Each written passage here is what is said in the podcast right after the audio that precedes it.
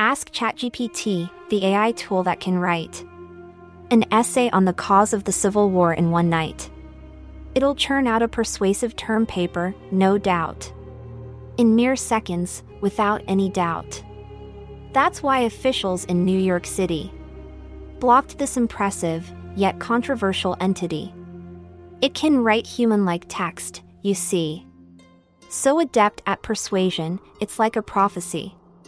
But what caused the Civil War? That's the question. Slavery, or something more with a deeper dimension? Maybe it was a clash of ideas. A battle for America's core beliefs and its future vision. But whatever the cause, one thing is clear technology's power can bring fear. In the hands of a machine, the pen is mightier. Than the sword, a force to be reckoned with, never brighter. So beware of ChatGPT, my friend.